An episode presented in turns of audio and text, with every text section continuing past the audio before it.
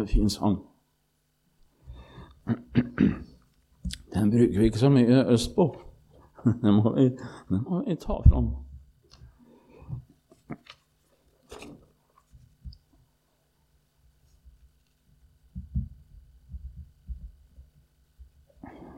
Ja.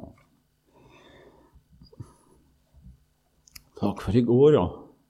Det var en, eh, en, fin kveld som jeg trengte for min egen del også. Evangeliet det slår både eh, utover og innover hjertet ditt. Så det kjente jeg gjorde godt.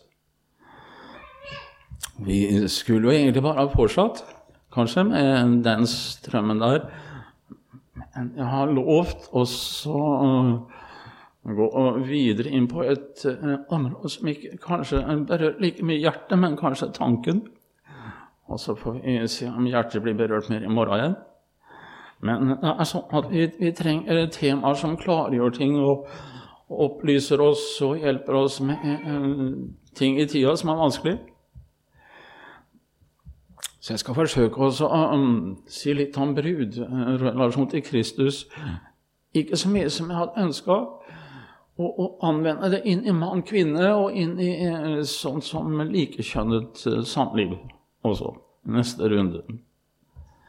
Det er tunge temaer, det er store temaer og kontroversielt. Så det er ikke sånn at det er lett å ta på seg. Dette første her er jo litt mer kjent. Mann-kvinne, selv om det også er kontroversielt. Mm, tyngre er det å gå inn i spørsmål rundt homoseksualitet. Det er fordi jeg har um, i mange år møtt mennesker som strever med sin kjønnsidentitet. Helt siden jeg begynte som forkynner tidlig og på 70-tallet, så hadde jeg venner som slet. Og eh, senere erfart at temaet rundt mann-kvinne er jo så aktuelt. Når jeg studerte teologi, så var det særlig aktuelt rundt kvinneprestdebatten og andre ting. Likestillingsideologien og nye sexrevolusjon på 70-tallet. Alt dette fikk vi inn over oss som til og vi måtte jobbe med det. Og Siden har det balla seg på, og fortsatt så sitter man fast i, i forskjellige tanker rundt det. Jeg skal forsøke også å ta opp ting her. Jeg, skal, egentlig, jeg sa til Kjell Morten og Heidi jeg skulle gjerne hatt en uke på Heia, på hytte, og jobba med et helt struktur helt på nytt. Nå er kanskje noen år siden jeg hadde det temaet framme. Jeg har vært mye syk og hatt tøffe ting i familie, så heller ikke lagt seg til rette sånn at jeg har hatt noe særlig med konferanser, men uh, tidligere har jeg hatt kanskje 25 konferanser om nettopp sånne temaer. Ikke alt sjøl, selv, selv om jeg har hatt en del selv, altså både i Norge og ellers. Men det er lenge siden, og jeg må liksom få samle tankene. Jeg merker jeg hadde et så stort behov for å strukturere det på nytt. Så jeg skulle ønske jeg hadde hatt tid til det. Men jeg får komme sånn som jeg er. Jeg har prøvd å forberede meg så godt jeg kan, og så får dere uh, stille spørsmål. Det er, det er lov å notere nå på første møte. Ta og Hent ut en lapp og, og noter ned. Så kan vi ta opp kanskje på slutten av neste møte. tror jeg. For jeg, jeg trenger en liten pust mellom de to møtene. Så kan vi ikke sitte og samtale hele tida, men etter neste så kan vi bruke tida. Er det greit?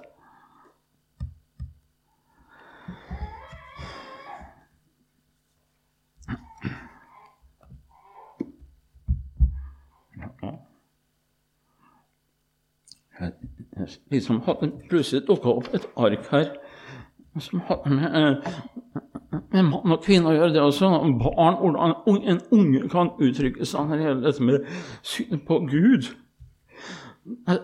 Følgende liten tass Thomas André uttrykte seg slikt. Kona til Gud heter Gudmor, sa han. Hun og moren til alle barnebarna hans er Moses, Jesus og julenissen. Utrolig. Man kan kalle Gud for hva man vil. Man kan kalle ham Kristus, Festus eller Herre Jesus. Og jeg har en del sånne her, men det skal jeg ikke belaste dere med.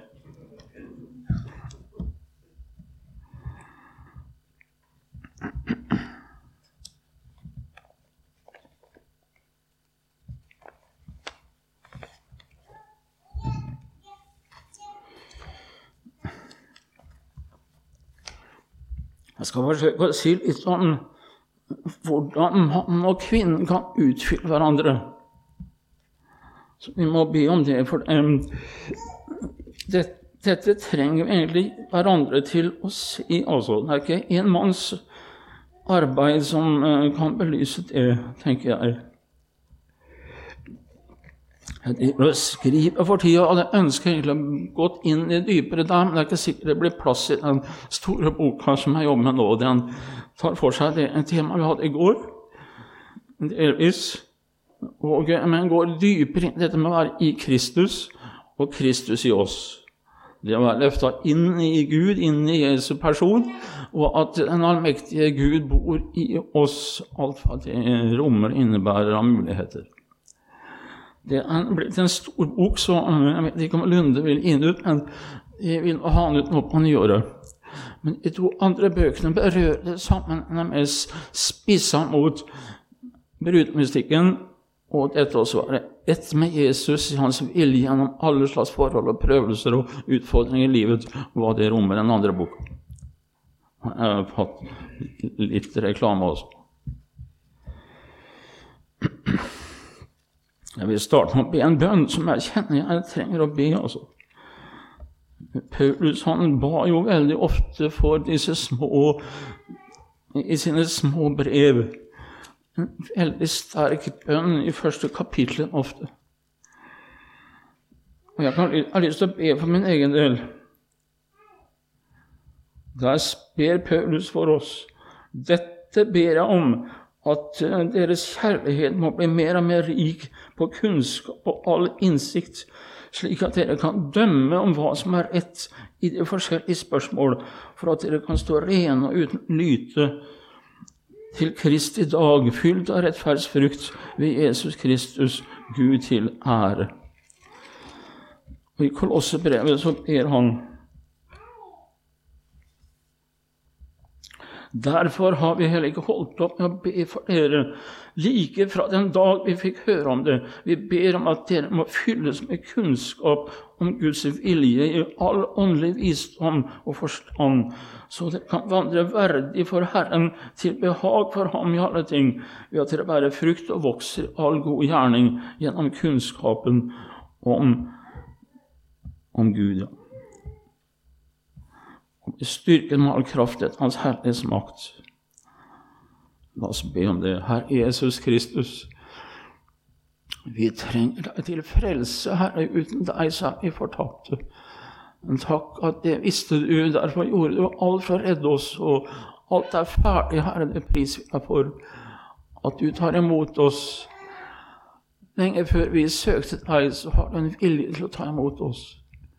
Men vi trenger altså Jesus i hverdagen og i mange ting i tiden vår. Akkurat nå, Jesus, du vet hva som er oppe, hva som bryter, Herre, i samfunnet, i familien, i det enkelte mennesket. Jesus Kristus, vi ber om visdom til å møte alt, prøve alt, bedømme alt, og med kjærlighet møte alle, oss våre motstandere, Herre. Vi ber om ikke være fariseere som bare dømmer, men også har et hjerte for de som strever livet sitt. Ja, Herre, kom nå til oss og velsign oss. Led meg, Jesus Kristus, i det jeg skal si. Du klargjør tanken min og fyll meg med Din Hellige Ånd. Jeg ber at uh, også dette møtet kan bære frukt i våre liv. I enkeltes liv, i ekteskap, i alle relasjoner, Herre. Jesus, hjelp meg, du, i Jesu navn. Amen.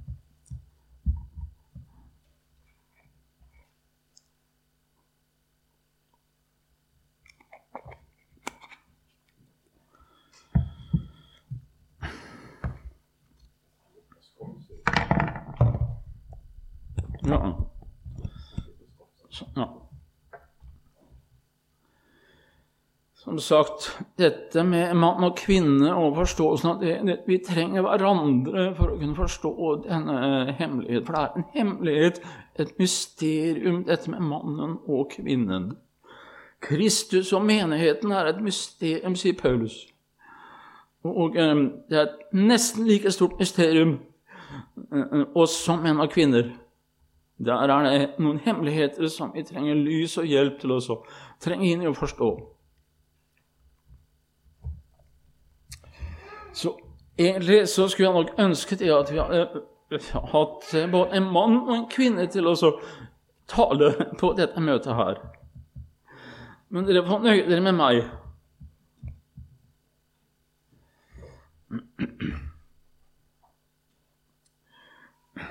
Og særlig mitt engasjement i Living Waters, som jeg har leda i mange år, egentlig helt siden eh, det ble introdusert i Norge i 98.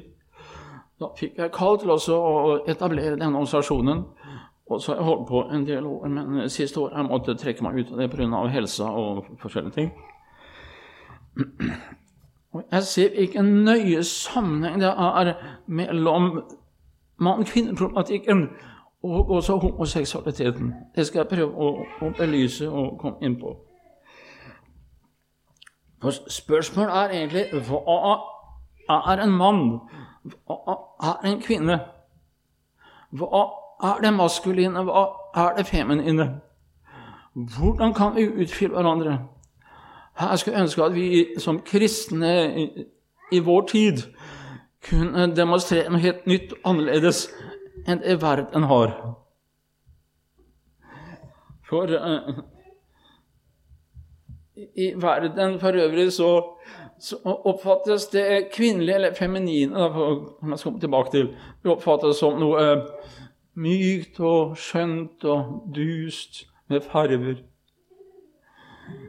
Mens eh, maskuline ofte i vår kultur oppfattes med den, den ensomme rytteren, Rambo, eller noe slikt.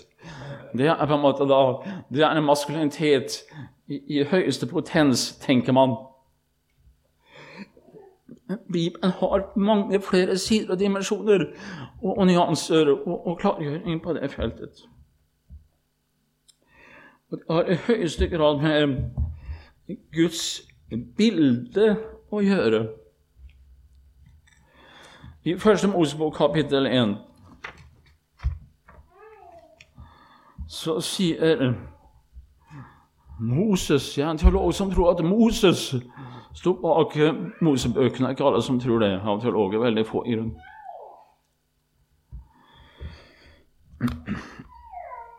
Der sier Herren gjennom sin tjener Og Gud sa, la oss gjøre mennesket i vårt bilde etter vår lignelse. Og Gud skapte mennesket til sitt bilde. I Guds bilde skapte han det. Til mann og kvinne skapte han dem, står det.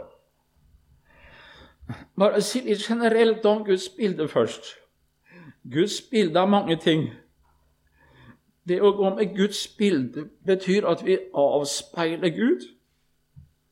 Bare vi, ikke dyrene, men bare vi mennesker avspeiler Gud. Det betyr for andre at vi er Særlig når Guds bilde bryter fram som, som kristne Guds skapninger, da er Guds bilde synlig at vi er herlige, rettferdige og sanne står Efesene.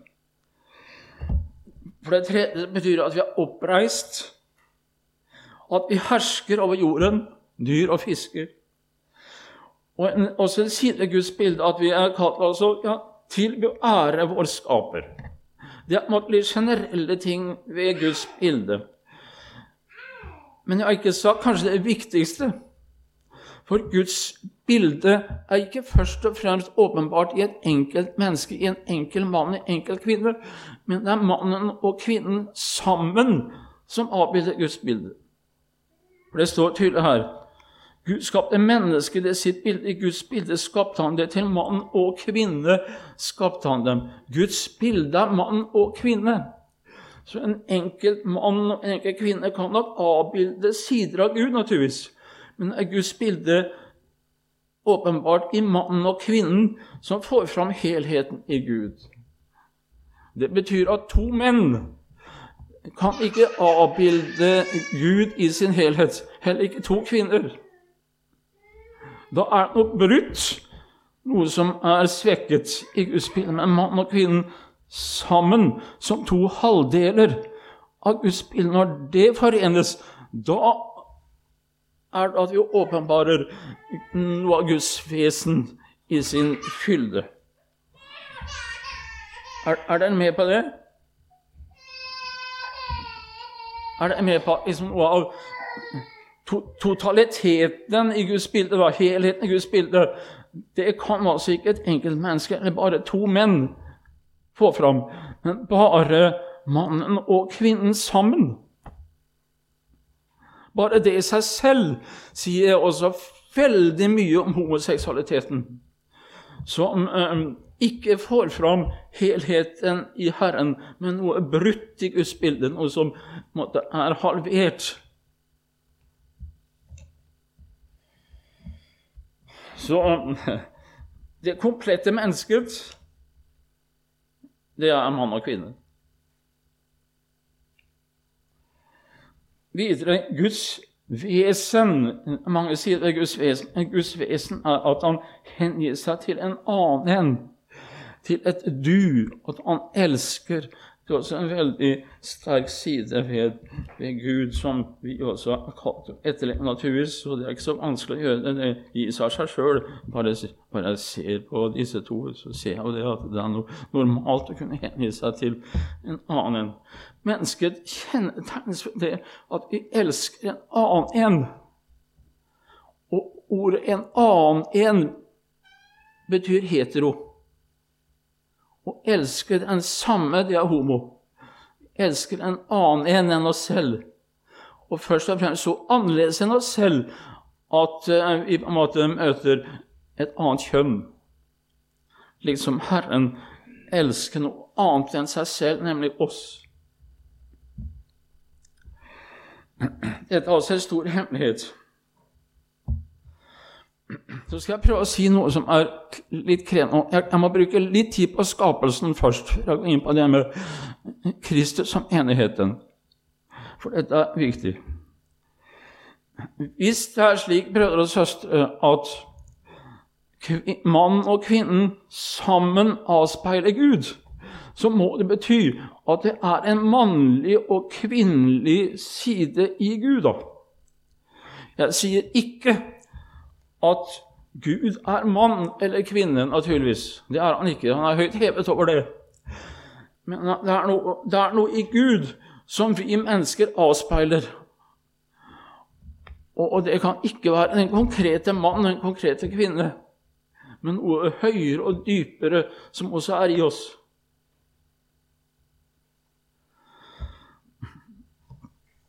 Så jeg tenker slik Nå må dere, nå må dere bare spørre sidene og inn det og, og, ta meg for det. Men jeg tenker slik, søsken, at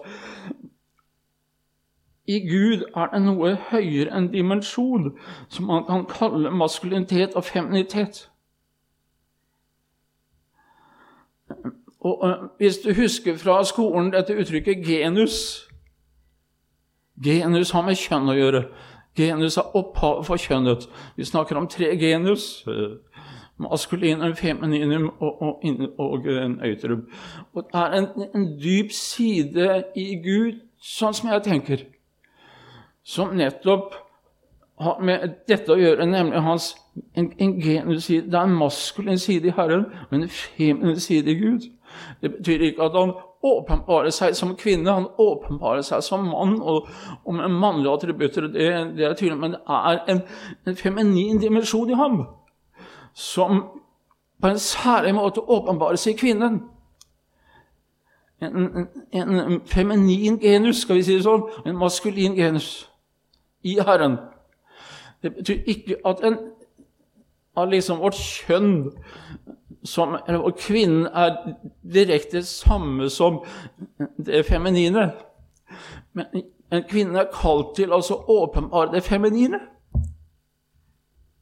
Sånn sett er mannen åpenbart og kalt til, til å åpenbare den maskuline Gud.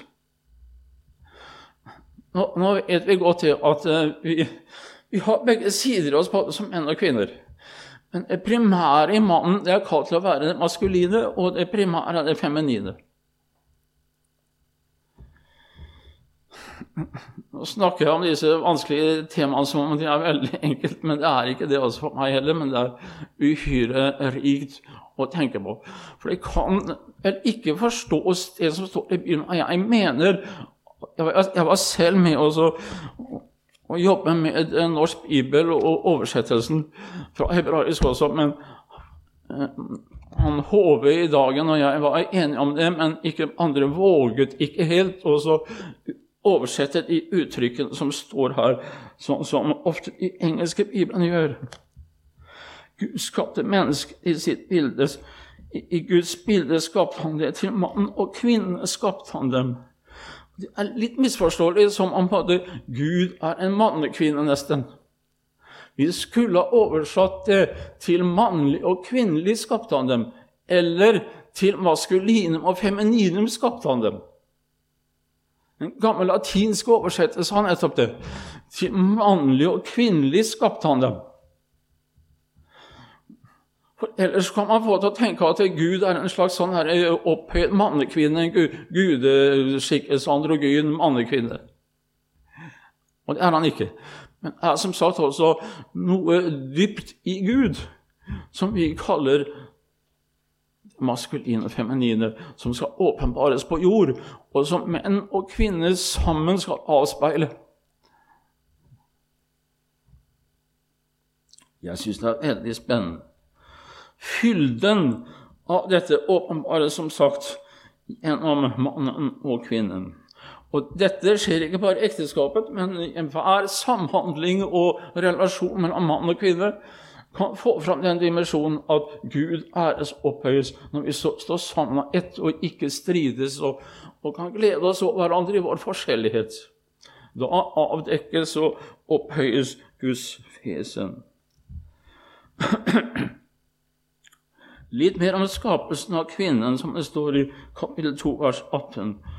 Gud hadde formet av landjorden, alle markens dyr osv. Og, og han førte førte dem til mennesket for å se hva han ville kalle dem. Det mennesket kalte hver levende sjel, det ble dens navn. Så ga mennesket navn til halvfet osv. dyrene, men for seg selv fant mennesket ingen medhjelp som var hans like. Da lot Gud Herren en dyp søvn komme over mennesket, og mens han sov, tok han et av hans ribben og fylte igjen med kjøtt. Og Gud Herren bygde av det ribben han hadde tatt av, mannen, en kvinne og førte henne til mannen. Da sa mannen, 'Denne gangen er det ben av mine ben og kjøtt av mitt kjøtt.' Hun skal kalle seg manninne, for av mannen er hun tatt. Spennende det der med ribben. Også. Men Jeg skal ikke gå dypt inn på det, men jeg kan også skjønne at man har forstått at, ja, at man ut ifra det ordet har fått fram at kvinnen er blitt et rivjern. Selv om det er en gæren oversettelse. Men mennesket er skapt ikke for å være alene, men være sammen med en annen, en medhjelp. En som kompletterer og gjør hel. Som hånd i hanske er Adam og Eva skapt for hverandre. Så Eva er Guds feminine hjelp til Adam. Eva var tatt av Adams side, og bare Eva kunne fylle tomrommet i Adams indre. Ikke en mann, men bare Eva kunne fylle tomrommet som var tatt av en som var skapt etter at Eva ble til. Det uttrykket som brukes her, at kvinnen er hans like, det er et ord i et serpebraisk. Det brukes faktisk mest om Gud, altså. Det, det, er, det må dere huske, kjære søstre, at ordet etser det brukes mest om Gud, slik at kvinnen er på en måte Guds feminine hjelp til Adam.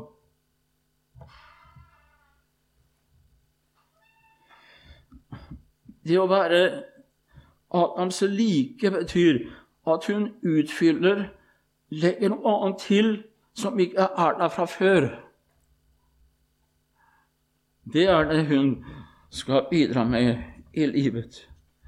Et veldig avsnitt. Ikke et dyr kunne fylle det tomrommet, bare Eva. Ikke en mann, bare Eva.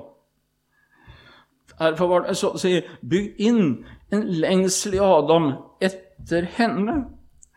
På samme måte som Gud hadde lagt inn en lengsel i henne etter han. For um, Eva eide en feminitet som Adam ikke hadde fylden av. Derfor så søker Adam den andre. På samme måte så har hun et tomrom, et savn etter det sunne maskuline som ikke hun har nok av, og som er fylt nok innvendig i henne. Derfor søker hun han, den andre. Se liksom hvor fantastisk dette her er tenkt fra skapelsen av. Jeg tror jo at disse beretningene er historiske, at de taler til oss, altså søsken. Ellers hadde jo ikke Jesus snakket om gudsbildet og snakket om og det å forlate far og mor og ligne på Adam og Eva osv. hvis ikke han mener at dette er konkrete historiske ting som vi kan dra nytte av og lære av. Så Eva er ikke tatt av jorden slik som Adam var, men tatt av Han for at hun skal ha denne dype type lengsel tilbake til ham og omvendt. Bare hun passa inn hjertegapet til Adam.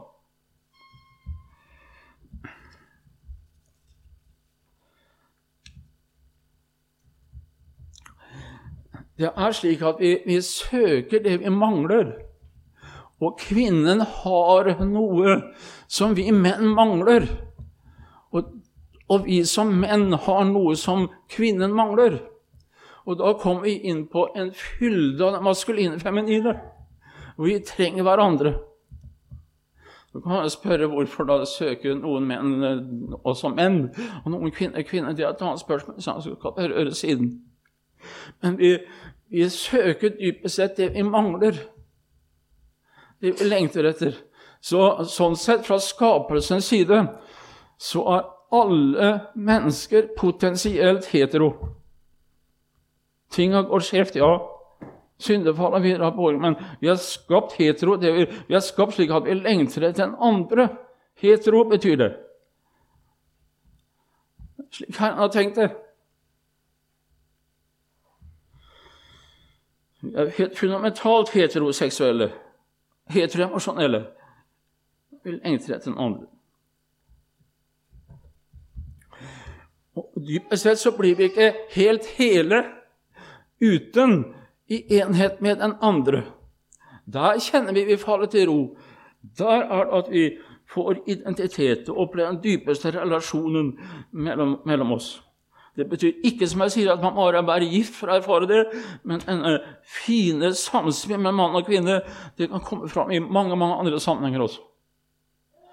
Det er, det er fantastisk sterkt og rikt når menn og kvinner er sammen både på det ene og andre plan og utfyller hverandre og fremhever Herren og bruker hver sin styrke, sin forse.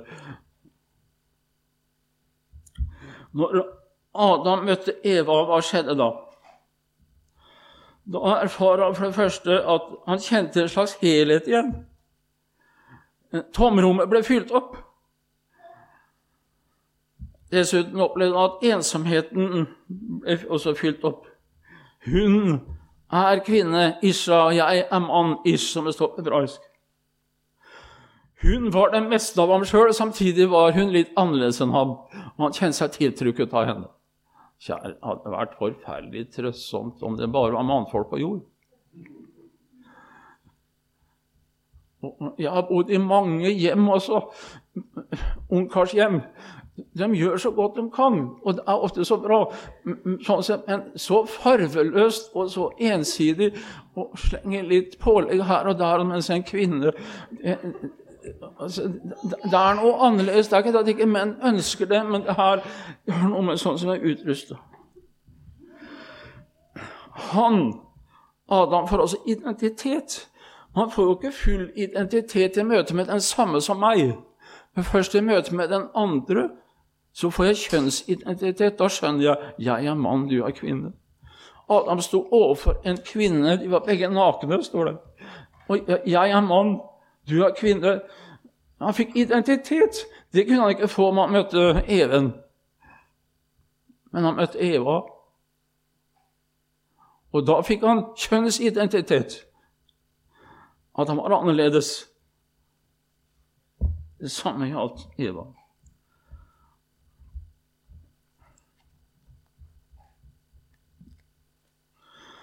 Så um, Eva møtte ham på det vanlige plan, endelig et, et menneske lik ham, og samtidig annerledes, som gjorde at Adam så ble dratt ut av selvkretsingen, og annerledesheten brøt fram. En stor teolog, Karl Barth, han sier det slik. Hvis Eva bare var som han, altså Adam, en, en slags tallmessig mangfold, samme, samme type som han, da ville ikke hans ensomhet bli fjerna. Et slikt menneske ville ikke stå for ham som en annen. Han ville bare gjenkjenne seg selv i det.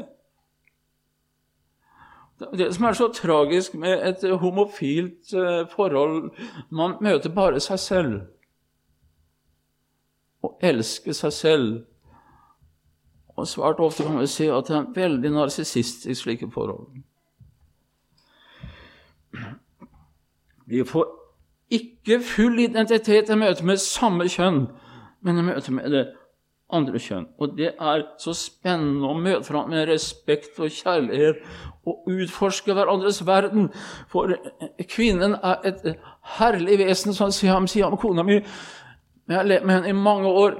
Jeg skjønner ikke dybden i henne. Nei. Jeg har aldri forstått fullt og helt kvinnen. Det gjør meg så spennende. Liksom, hun er annerledes og omvendt òg. Det er noe med mannen som er annerledes og tiltrekkende, provoserende for kvinner. Men det gjør at vi begynner en spennende oppdagelsesreise i hverandres vesen. Børre Knutsen, dessverre død. Thomas Bjerkholt, dessverre, dessverre død, var blant dem som kjære brødre som sto fram og løfta fram disse sannhetene, som få gjør i vår tid. Børre sa det slik Adam oversetter vi med menneske. Men straks mennesket har funnet kvinnen, så oversetter vi Adam med mann. For først da blir han mann. Først da opplever han seg selv som mann. Først da har du polene, eller polariteten mellom mann og kvinne. Og fra nå er disse to sammen, det er disse to sammen som er blitt mennesker nå. Det er uropplevelsen som beskrives her. Det gjentar seg hver gang i historien når en mann finner en kvinne. Han finner igjen helheten i sitt liv.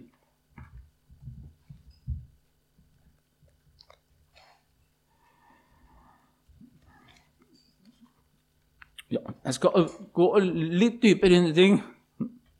Noen ord her som allerede har nevnt. Gud skapte mennesket til sitt bilde. Guds bilde skapte han det til mann og kvinne. skapte han Og jeg ville helst oversatt til maskulinum og femininum, eller kanskje mannlig-kvinnelig. På hebraisk så står det Zakar unekeba baraotam. Til mann og kvinne skapte han dem. Så Ordene er sterke kjønnsord som får om det. er Han og hun. Det er en forskjellighet mellom dere. Så bare for å gjenta dette med maskulin og feminin det er mye mer grunnleggende og mer dypere enn det enkelte kjønn. Kjønn er på en måte en avledning av, av det maskuline feminine. Og, og, og, vi har en spesielt kalt til å formidle det og åpenbare det, men det går dypere, det går like inn i Gud. Det er en overjordisk, overmenneskelig dimensjon i Gud. Der han demonstrerer både det maskuline Vi ser det på Jesus Kristus. Han går altså inn i tempelet og, og river ned boder og døtter over bord. og Det er ikke så mye kvinnelig i det. Det er ikke så mye feminint ved Jesus der. Andre ganger så ser vi Jesus at han, har, han er som en hønemor som samler alle under sine vinger. Som en mor. Jesus åpenbarer begge dimensjoner i seg, samtidig som han åpenbarer seg som mannen og sønnen, og det er også viktig. Men er en balanse i Herren. Ja, veldig spesielt også i Gamle testament. Mange steder. Jeg må bare si da at også i mannen er det en feminin dimensjon. Jeg er jo født av en kvinne, og vi, vi er påvirket av kvinner, og vi lever med det, og vi har, har det med oss osv. Vi er skapt av en Gud som har begge dimensjoner, alle sammen. Og så Kvinnen har en maskulin side og er nødt til å, å, ha kontakt med den. Men det primære ved kvinnen er det feminine, og det primære ved deg, mann, det er det maskuline. Dessuten så må det jo sies at det er store individuelle forskjeller mellom oss. Menn er ikke like, og alle kvinner er ikke like, så det er store variasjoner. Men det er noe grunnleggende i kvinnen som jeg kaller feminint, og det er noe grunnleggende i mannen som jeg kaller maskulint. Uten at dette er nøyaktig det samme. Men jeg har kalt å åpenbare det og få kontakt med det og leve ut det. Og vår tid trenger det oppreiste menn og kvinner. Mens um, kjønnsforskjeller, også dette som har med det dypeste sider oss, det maskuline og feminine, det blir utvisket fullstendig. Og skal vekk med alt hva det innebærer for mange. Og så interessant da jeg skal ta opp til selve ordene mann og, eller mannlig og kvinnelig på hebraisk er spesielt. Det hebraiske ordet for mannlig, som vi har oversatt mann, da, det, er ordet zakar. Og det betyr det som er skarpt, det som trenger igjennom. Det som kommer utenfra og trenger igjennom, pluss det som utholder, tåler og utholder. Det betegner det maskuline, det som er skarpt, som utholder, som tåler, og som utholder. Trenger igjennom. Ordet for kvinne, nekeva, kan oversettes med det å være en kilde, en fordypning, en gruve. Faktisk et sted også om en, om en juvelers eller en gullsmeds gruve som omslutter. Kvinne, feminine, en gruve omslutter, full av edelstener i seg og muligheter. Mannen trenger igjennom. Kvinnen omslutter, nærer, beskytter barnet, fosteret og andre. Ordene sier veldig mye. De er, veldig direkte, nakne, sterke, hebraiske språk. Det er mye mer direkte enn vårt. Og, og, og ordene kan til og med brukes direkte om kjønnsorganene. Mens vi pakker oversettelsen inn. Men vår tenkning er annerledes enn vår, fordi på hebraisk så betyr også ordene mye mer enn en, en kjønnsorgan, nemlig det uttrykker selve vår personlighet selve det maskuline feminine. Det maskuline det handler om det som er utbuet, kon konveks, mens det feminine handler om det som er innbuet, konkav. Akkurat som venstre og høyre hånda. Det feminine beskytter, verner, tar imot, inkluderer. Men det skal også mannen gjøre, som også beskytter beskytter og verner det feminine. Så ordene peker langt utover det seksuelle, like inn i vår personlighet. Jeg er fascinert av en, eh, en teolog, psykiater, døde i slutten av krigen. Carl Stern, jødekristen psykiater. Han har skrevet en fantastisk flott bok, 'The Flight from a Woman'. Han sier det slik det er et syn som er like gammelt som historien, at måten vi utfyller hverandre på, ikke begrenser seg til det fysiske, men til mannens og kvinnens karakter. Vår karakter som menn ligger i dette her, som jeg her sier, langt jeg kan skjønne, og som kvinne. Ikke noe dypt nedfelt i deg. Vi lærer på en måte at det, det er to poler. Vi kompletterer hverandre, vi utfyller hverandre.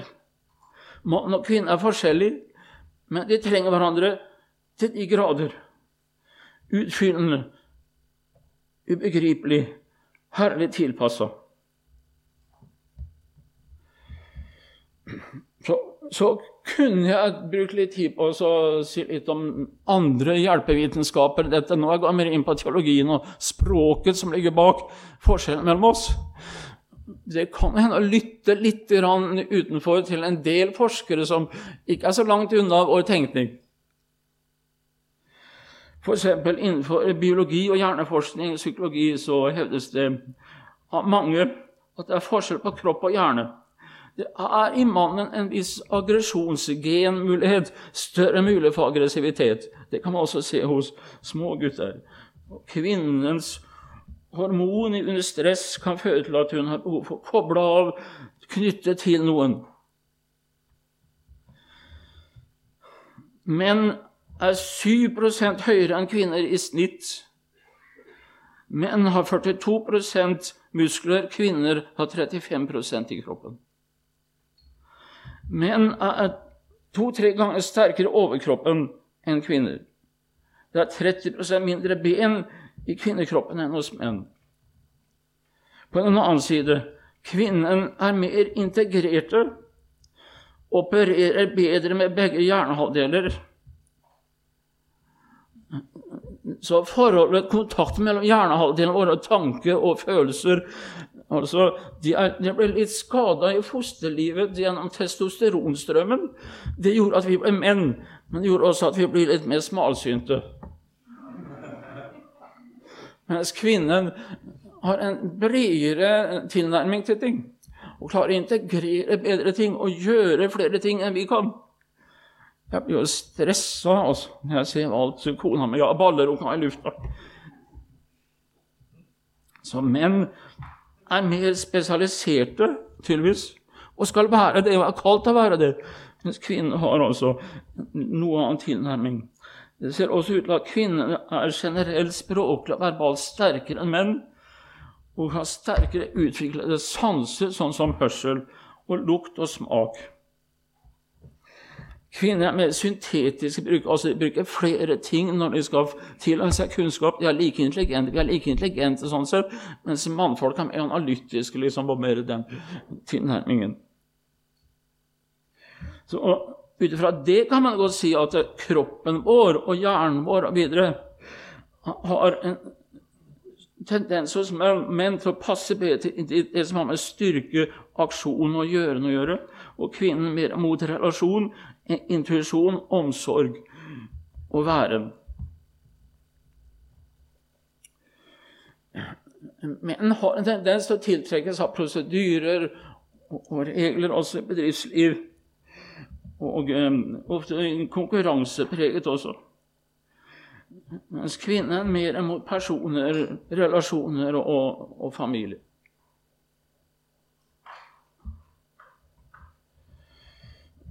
Kanskje også Han har rett, han eh, forskeren, ved eh,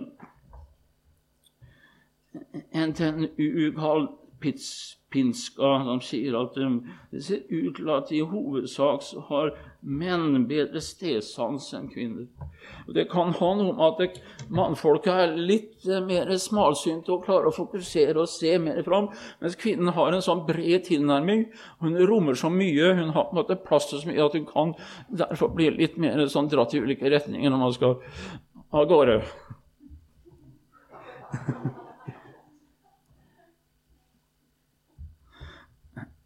Så vi mannfolk vi har litt, litt lettere hvis uh, det er ungeskrik eller det er kran som drypper, så er det ikke sikkert vi merker like sterkt som en, mens en kvinne kan merke og, og, og, ta imot.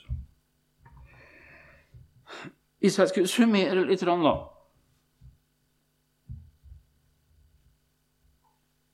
Så ser det ut til at det maskuline i oss, og som menn skal åpenbare mann, det, innebærer at vi er kalt til å være gjennombrytere i positiv forstand. Gjennombrytere trenger igjennom. Kvinnen har en større evne til å motta og inkludere. Ikke bare på det seksuelle, som sagt, men det ligger i ens vesen. Kvinnen er tatt av Adams side, så hun er et kraftig relasjonsvesen. Slik tenker jeg. Mens Adam er tatt av jorden, pluss at han også fikk ved dommen en oppgave å jobbe med jorden. Første Mos 3.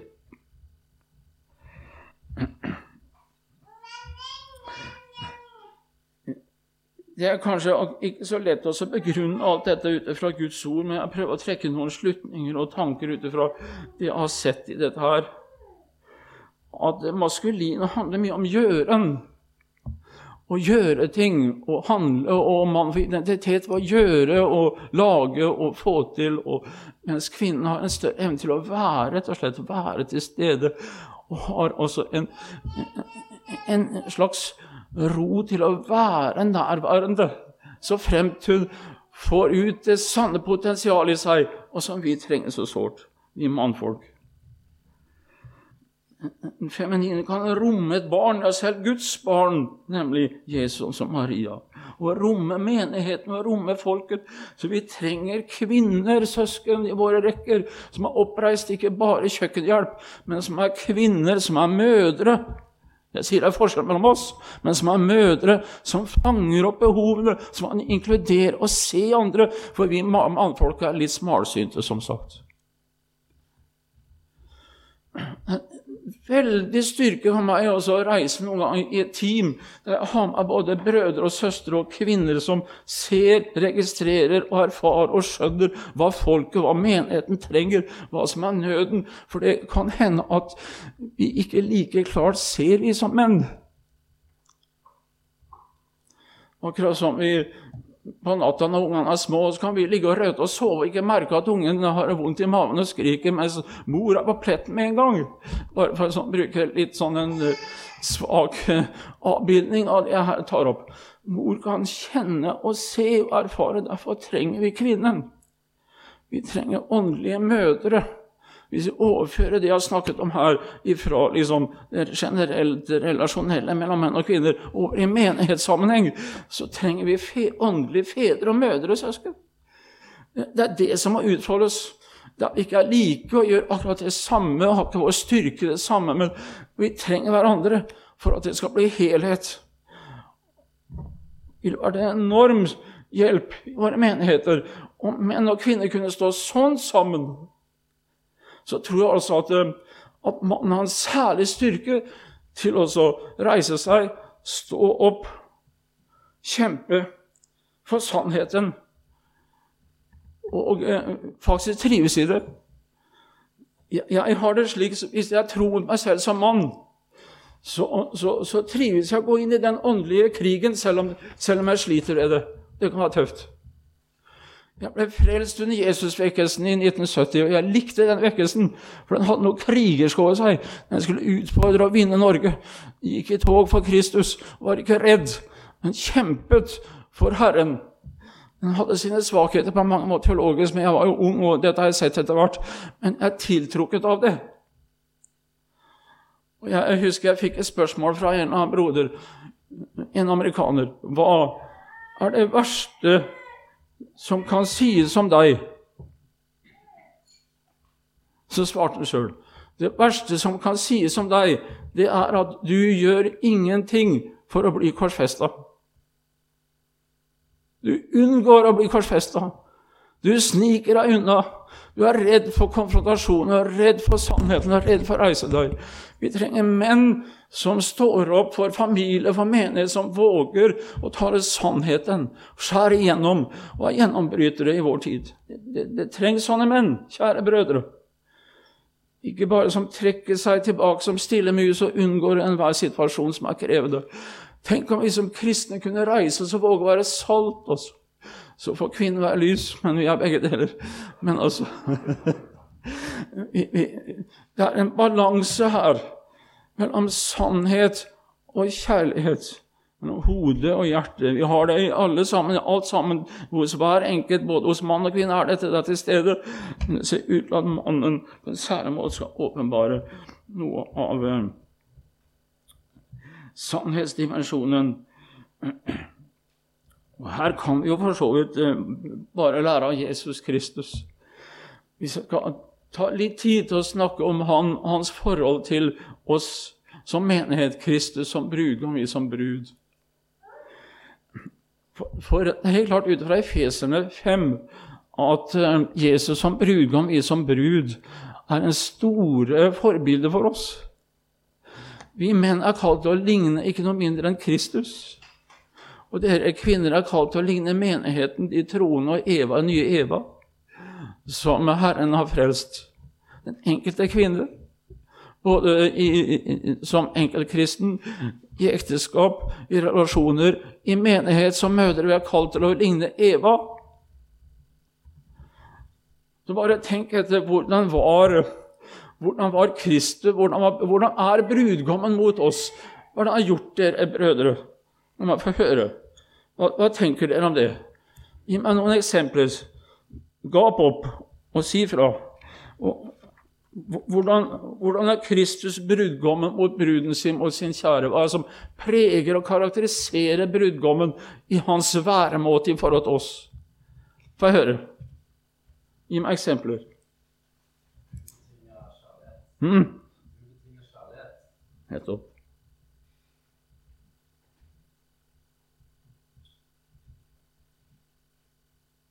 Mer. Uff, ja, liv.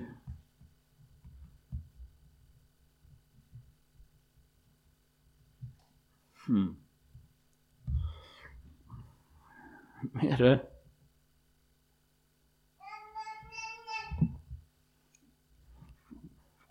Hvordan er Jesus mot oss? Mm. Tar støyten, ja.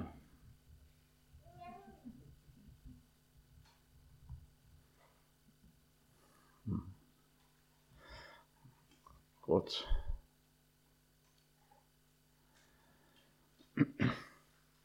Her ligger noen eh, kjernesannheter om brudgommen, som elsket oss så høyt som du sa, at han ofret alt for å få oss uten å spare noen ting, og tar støyten i møte med eh, motstand mot eh, fariseismen, mot djevelen, og går inn og trenger gjennom og beseirer døden og bryter gjennom. Så Kristus han er en, en som kjempet i blodet for oss, ofret alt for å få oss.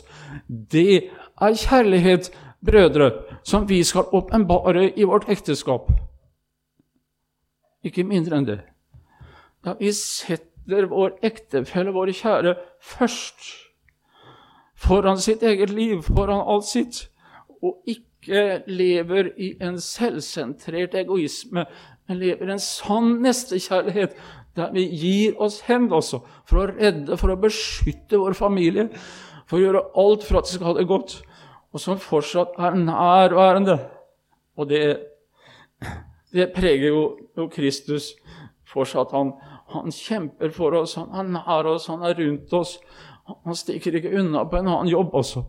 Sånn sett så er altså mannen kalt til å ligne Jesus der. Jeg kunne sagt mye om det der, sikkert. Om, om menn som er på flukt bort fra hjemmet sitt, bort fra forpliktelsene, og bare har liksom litt nærkontakt når det trengs.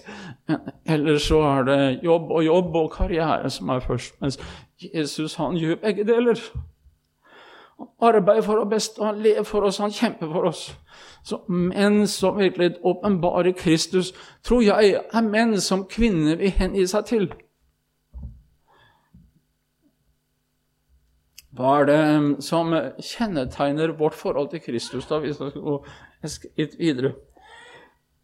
Hvordan er menighetens forhold til Kristus? Hva er det som gjør at vi ja, er hans? Hvorfor, hvorfor kan vi kalle oss hans? Si litt om, om menighetens forhold til Jesus. Få høre Was mich hinten attacken los?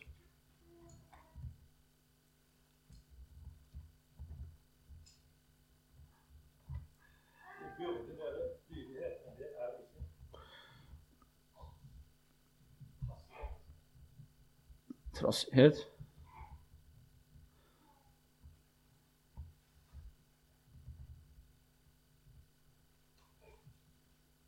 Ja. Er det Var vanskelig, det. Vi, vi, tenker liksom i lys av de høyeste ideal, de høyeste bildet, de høyeste forbildet, Kristus og bruden. Og at vi som menn skal få ligne ham. Det kan bare skje når vi er forena med ham og er ett med ham. Og at vi også er ett med vår sanne kall, sånn som menigheten skal være i forhold til ham. Og Det som også kjennetegner oss som menighet, som kristne, er at vi tror på ham. Vi stoler på ham. Vi stoler på det han sier, vi stoler på det han har gjort. Vi tror på ham. Jeg tror på Jesus Kristus, Guds enbårne sønn. Det er det første kjennetegn at jeg er en kristen. Jeg tror på deg. Og en, en mann kalt til å åpenbar, og en kvinne håper jeg har mye av at jeg, jeg tror på deg. Jeg stoler på deg. Jeg vet ikke, du svikter meg, du forlater meg ikke. Det er en hemmelighet, søsken, ikke sant? som vi også kan få leve ut som, som kvinner i forhold til våre menn. Og som også det fører til at vi Det med lydighet er et vanskelig område å være lydig i et ekteskap. Og, og jeg tror nok ofte at eh, det har vært misforstått til ordet med underordning, at det først og fremst handler om lydighet, underdanighet og sånn. Ordet for det å være hode i en menighet, eller hode i et ekteskap, det handler om det at kvinnen er utgått ifra Adam. Hun er utgått fra hans side. Hun er tatt av Adam. Og Som kristne er også vi tatt av Kristus. Vi er utgått av Kristus. Han er opprinnelsen. Så hodet betyr egentlig den fra hvem vi er utgått. Det handler om at mannen er hodet. Det handler om, lederskap. Det handler om å ha myndighet til å være hodet, både i hjem og i, i, i familie. Det handler også som dere skal huske at det å være hodet det er å ligne brudgommen. Ikke en som krever og som trykker ned sin hustru, men som ligner brudgommen, som tjener oss, som elsker oss og lever for oss og vil oss bare det aller beste. Brudgommen, han gir seg hen, altså. Det er vi mannen kalt. Ikke noe mindre enn det. Vi skal ligne Kristus i vårt ekteskap. Og hvis vi er slike menn, så er det naturlig, kjære søster, ikke sant, jeg tror dere vil takke for den mannen du har fått, og hengi deg til ham. Fordi han har hengitt seg til deg først og gitt seg hen. Da vil du følge ham. Så kan det komme uh, avgjørelser og sånne vanskelige valg og sånn som gjør at man ikke er sikker på hva skal jeg velge, og hvem skal ha rett og sånn. I verste fall, når det kommer til punktet at man ikke blir enig, for å si ja, da får du ta ansvaret for det valget og det og det. Og hvis han tar feil, ja, da får han ydmykt krype tilbake og spørre kvinnen igjen. Men altså, det er et flott samspill også på det punktet ikke sant, mellom mann og kvinne. At han er hodet, og hun er kroppen.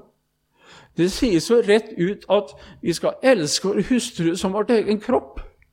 Så hvis det skjer med kroppen din, da vet du at det kan gjøre vondt. På samme måte skal du reagere hvis hustruen din har det vondt og lider og har det tøft. Derfor sier Paulus i Feserne 5. Slik skylder også menn å elske sine koner som sine egne legemer. Den som elsker sin kone, elsker seg selv. Ingen har noen gang hatet sin eget kropp, men han nærer og varmer det slik også Kristus gjør med menigheten, sier han. Det er så flott å kunne se på sin kjære, nære ektefelle som kroppen min. Og jeg vil da kroppen min vel det beste og fineste og største som er, ønsker jeg for min kropp, og ikke ødelegge den. På samme måte skal jeg opptre overfor hun, som på en er min kropp, som er ett med meg. Ett legeme, ett kjød. Det ble ekteskapet. Så, så, det å være hode, det handler om å være brudgom for sin kjære.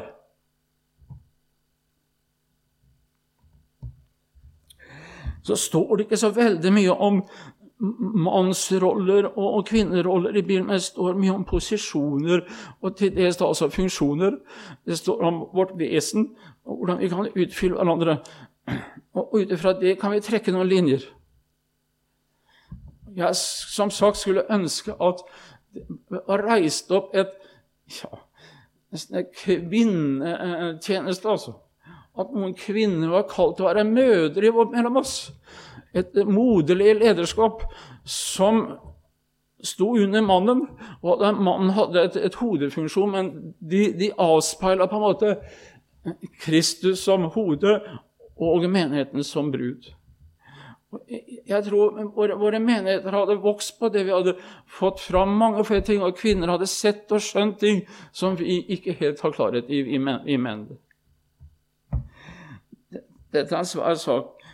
På tid så var det faktisk en egen sånn kvinneembete med menighetsenker som tok seg av de andre opplærte dem osv. i menigheten. Klar forskjell på menn og kvinner hos Paulus. Helt tydelig at uh, fra første tid så skulle ikke kvinner være prester.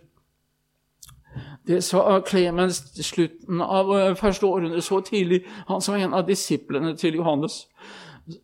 Det står i Jesus selv har lært oss det, sa han. Og hvorfor det, tro? kunne nettopp være at mannens styrke var nettopp å kjempe mot vranglæren, beskytte menigheten og alt det som var en første tid, og ellers gjennom historien. Han sto der, og hadde en utrustning var, var laga slik at det passa, mens kvinnen sto litt bak, beskytta, tok seg av andre ting, tok seg av andre ting i menigheten og barn osv. Og, så og dessuten så trengte mannen høyesterett, og vi gjør det fortsatt, kvinnen, hennes nærhet og ro og væren osv.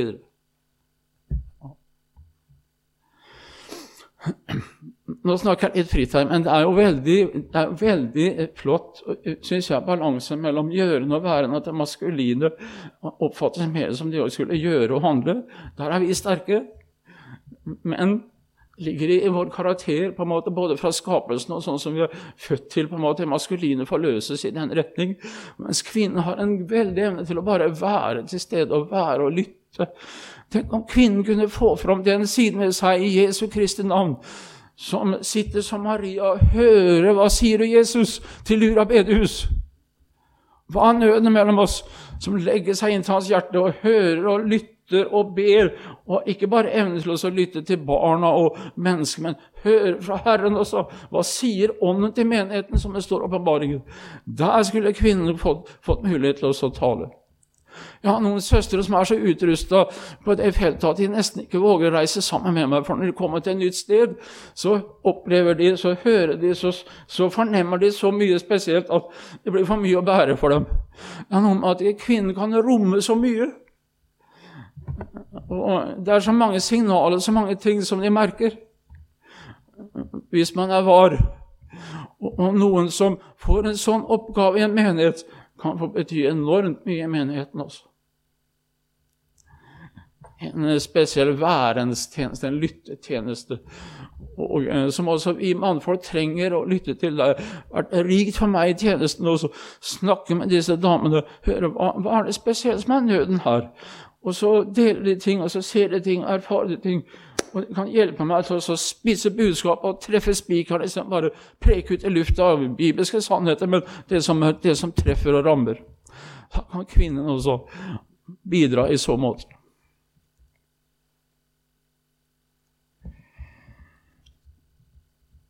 Ja Jeg har sagt, jeg har sagt mye rart nå. Kvinnen ble skapt sist. Legg merke til det. Og det er jo en progresjon, en oppbygging i skapelsesberetningen. Kvinnen ble skapt sist som skapelsens krone. Hun var uerstattelig for Adam. Hun var skjønnheten også. The Sleeping Beauty. Hun, hun, hun var virkelig tornerose som ble vekka der i paradiset da Adam møtte henne. Og hun blomstra opp, og, og han fryda seg over henne. Kvinnens vesen er så vakker fordi hun avspeiler bruden. Hun ligner på bruden, særlig, ikke sant? Og vi mannfolk skal se kvinnen på den måten, og se bruden i bruden, i kvinnen. Sånn som Jesus. Han, han evnet å se oss i lys av sin frelse og sin kjærlighet. Og han ser så ufattelig rent og fint og vakkert. Hvor han fryder seg og gleder seg over oss. Om vi bare ante. Og hvor han lengter etter å få oss hjem når han skal dele sitt hjerte med oss. Vi skal si noe av det til våre kjære, til kvinner. Vise hvor høyt vi setter dem, glad være dem og fryde oss over dem. Løfte dem opp både alene og når vi er sammen med andre, slik at vi, vi roser dem. De, de, trenger å føle verdighet, rett og slett, og kjærlighet. Veldig.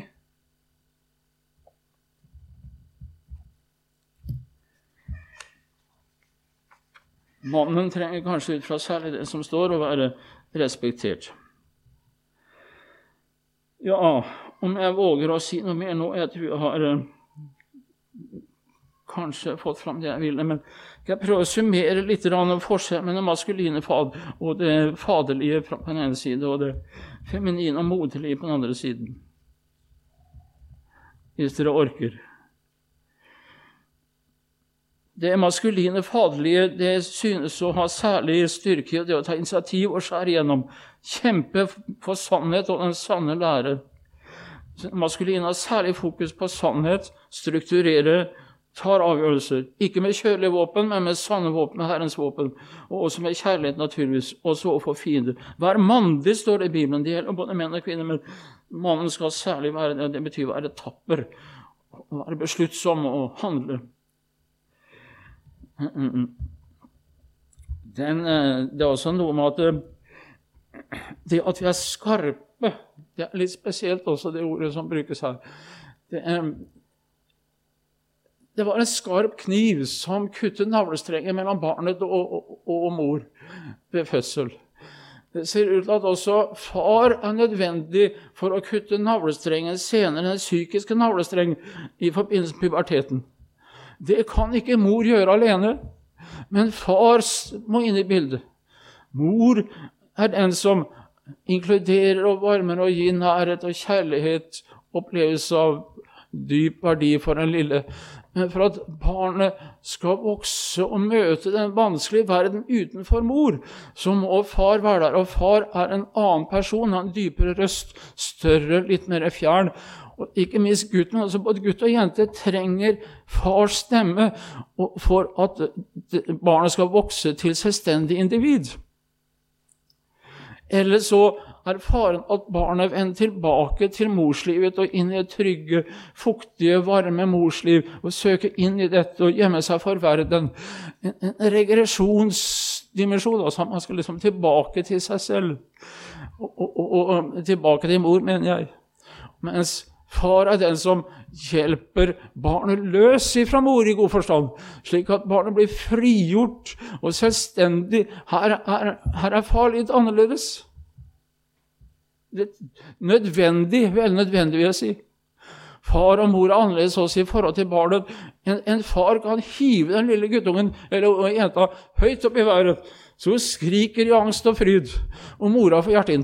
Hjerteinfarkt. Det er litt av far, altså. Litt gjennombryter og tør å bryte ut, liksom trenge videre mot de farlige ting i verden. Det er noe av fars oppgave også for en lille, både for jenta og for gutten. Så, så, far er uhyre viktig i det man kaller individuasjon, dvs. Si å skape selvstendige individer, så ikke barnet forblir i en slags usunn morsrelasjon, men kan vokse sammen med far og bli en uh, frigjort, selvstendig gutt.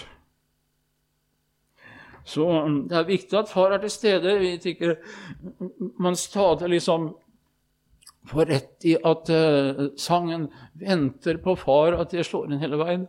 At far er til stede. Mange ting gjør at man må ut og arbeide og tjene, naturligvis, og far er den som oftest uh, trekker i den retning. Og mor trengs også i arbeidslivet og ellers, naturligvis. Men det er ikke tvil om at mor trengs sterkt for de lille første tre åra, ikke minst, hvor det er så behov for varme, nærhet, trygghet, eksistens for den lille Men også at far kommer inn i bildet etter hvert i den utviklingen og modningen. Kjempeviktig.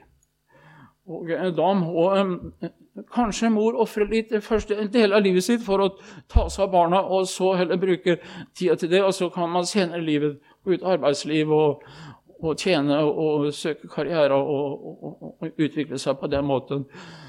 Og far må også være til stede i alle prosessene. også. Og jeg snakker ikke ut fra et sånt, tror jeg, gammeldags, tradisjonelt eh, familielivsopplegg her, men, men, det ligger noe i komplettering og utfylling mellom mann og kvinne også i dette i forhold til barna våre. Og det er jo psykologer forholdsvis klare, men det er få som tør si det. Det feminine moderlige. En styrke i ja, det emosjonelle, i det intuitive. Evnen til å inkludere i omsorg, kjærlighet, trygghet, beskyttelse.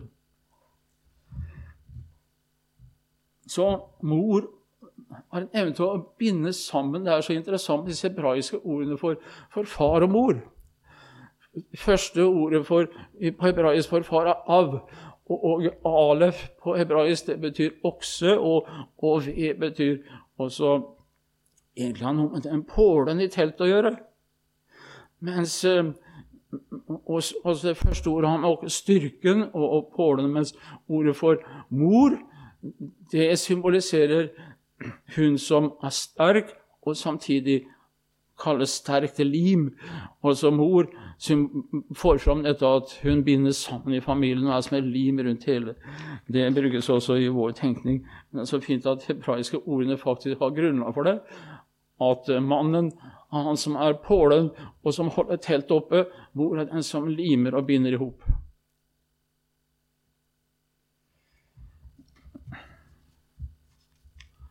Ja Jeg har egentlig sagt det, jeg bør ikke gjenta, tenker jeg.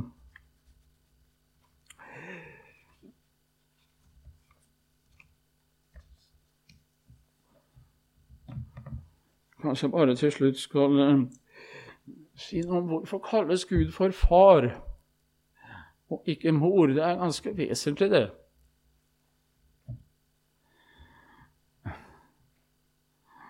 Det, det har noe med det at mor, morskikkelsen, det forbinder meg med det nære, moderlige, det jordiske, moderslivet, det moderskjødet osv. Så, så et, hvis Guds, Guds, vesen skulle forbindes med mor, så ville vi trekkes mot det, det nærliggende jordiske, det moderlige, det innadvendte, og kan fort havne i at man dyrker det jordiske.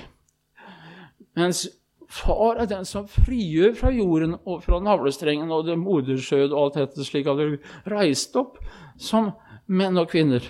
Det er nødvendig tror jeg, også av den grunn at Gud åpenbarer seg som Fader, som kapper så å si, navlestrengen til jorda, slik at ikke vi ikke havner i avguderi, men at Han blir vår Gud. Så det er som C.S. Lewis sier, den kjente litteraturprofessoren hvis vi skulle kalle Gud for mor og si 'Moder vår, du som er i himmelen', da får vi en annen religion enn kristendom. Så vi trenger at Gud er Fader, samtidig som han åpenbarer det sant maskuline feminine. Takk for at jeg vil bruke så lang tid. Nå er jeg jo helt i pappen. Jeg brukt så lang tid på dette her. og Egentlig kunne jeg sagt enda mer om, men dere holdt ut og har ikke sovna alle sammen. Kanskje jeg skal Nei, det var, det var stort sett for åkken. Men, men, dere skjønner at dette, dette er et kjempesammensatt og mangfoldig sak. ikke sant? Det er enormt komplisert, òg, men samtidig er det noen grunnleggende ting som vi ser i Skriften, som er så berikende. Og menn og kvinner, det maskuline, feminine, som jeg skulle ønske vi fikk ut oss i vår tid. Som kan sette ting på plass ekteskap, samhandling med menn og kvinner i menigheten, og forhold mellom mann og kvinnelig tjeneste der, og, og, ikke minst alt avspeiles i den store brudgommen og bruden. Der ser vi det i lys av det. Og det kan ikke verden se. Vi har en oppgave å vise dem hva vi har sett og hørt. Ja, takk for at jeg fikk dele det med dere.